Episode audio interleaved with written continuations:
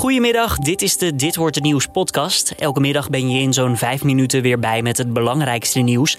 Met vanmiddag, de formatie lijkt nog altijd een politieke puzzel. Zoektocht naar militair in België gaat verder en prinses Amalia is geslaagd voor haar eindexamen. Mijn naam is Julian Dom, het is vandaag donderdag 10 juni en dit is de Nu.nl Dit Wordt Het Nieuws middagpodcast. GroenLinks-leider Jesse Klaver wil verder praten met CDA-leider Wopke Hoekstra. Dat zei hij na gesprek met Hoekstra bij de informateur. Hoekstra en trouwens ook de VVD vinden een samenwerking met GroenLinks en de PvdA niet zitten.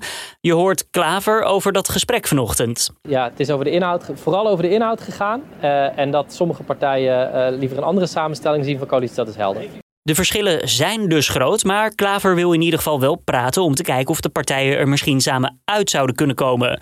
Net was het aan de beurt voor D66 en ChristenUnie om bij informateur Hamer langs te komen. Duidelijk werd in ieder geval dat Kaag een samenwerking met de partij van Segers niet ziet zitten.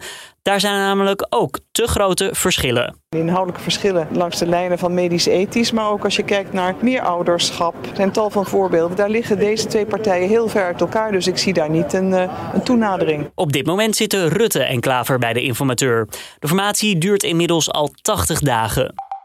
In de zoektocht naar de voortvluchtige Belgische militair is een zwarte rugzak gevonden. En er is inmiddels bevestigd dat deze ook daadwerkelijk van de gezochte militair is.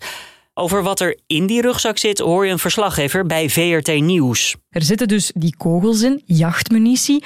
Maar die zouden wel niet overeenkomen met de kogels die bedoeld zijn voor de wapens die hij gestolen heeft uit de kazerne in Leopoldsburg. De militair met rechtsextremistische sympathie is al sinds half mei voortvluchtig. En tot nu toe hebben de Belgen geen spoor, althans duidelijk gemaakt aan de pers, over waar ze hem precies kunnen vinden.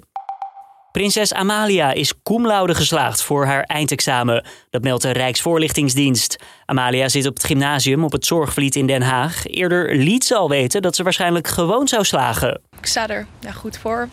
Uh, en uh, ja, nu veel leren, blokken en uh, ja, hoop van zegen dat ze vragen stellen die ik geleerd heb. ja.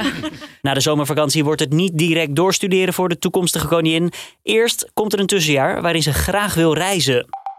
De voorgenomen wijziging van de zogeheten wet dieren met strengere regels rondom het aanlijnen van honden en het in kooien houden van dieren zal vermoedelijk toch geen gevolgen hebben voor huisdieren. Dat schrijft de Telegraaf donderdag op basis van minister Carola Schouten van Landbouw. Vorige week ontstond wat commotie nadat het voorstel was aangenomen. Door de wijziging zouden huis- en veedieren zich namelijk niet meer hoeven aan te passen aan hun huisvesting. Er zou voldoende ruimte moeten komen voor natuurlijk dierengedrag. Dat betekent voldoende zwemwater voor eenden en vliegruimte voor bijvoorbeeld een parkiet. En ook zou de wet ertoe kunnen leiden dat honden buiten vaker los zouden moeten lopen. De minister zegt nu de impact te zullen onderzoeken en laat vooralsnog in het midden of de regels daadwerkelijk ook voor huisdieren moeten gelden. Ajax-keeper André Onana krijgt in hoger beroep een lagere straf nadat hij een verboden stof in zijn lichaam had. De doelman zei destijds dat hij per ongeluk een pilletje van zijn zwangere vrouw had geslikt in plaats van een aspirintje. Het internationale sporttribunaal, de CAS, legde Onana vervolgens een schorsing van 12 maanden op. Dat is nu 9 maanden geworden. Daardoor mag de Cameroener op 4 november weer onder de lat staan. En twee maanden eerder kan Onana ook al aansluiten bij de training. Weer van Weerplaza. Vandaag een zonnige dag achter de rug. Droge dag ook. Temperaturen van 21 tot 28 graden. Morgen meer van hetzelfde. Zon, stapelwolken. En dan 20 tot 27 graden. Een bedrijf uit Brabant, Almkerk om precies te zijn, gaat de Grand Prix van Zandvoort helpen. Ze gaan daar namelijk de grootste fietsenstalling van Europa maken. Het bedrijf gaat echt kilometers aan fietsrekken leveren. Is ook nodig, want er komen 50.000 mensen op de fiets naar de Grand Prix.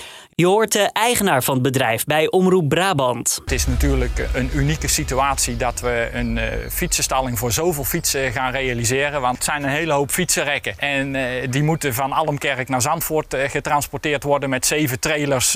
en vervolgens moeten wij het daar opbouwen. Ja, dat is een gigantische klus. De eigenaar heeft trouwens alle vertrouwen erin dat het gaat lukken. Neem maar van mij aan dat wij er meer dan voldoende hebben om het in Zandvoort netjes aan te kleden om al die fietsen te kunnen parkeren. En dit was hem dan weer, de Dit Wordt Het Nieuws podcast van deze donderdagmiddag 10 juni. Tips of feedback zijn altijd welkom. Kan je sturen naar het adres podcast.nu.nl. Mijn naam is Julian Dom. Ik wens je een fijne donderdagavond alvast. En morgenochtend zit hier weer collega Carne van der Brink. 6 uur ochtends met het nieuws van dan op nu.nl.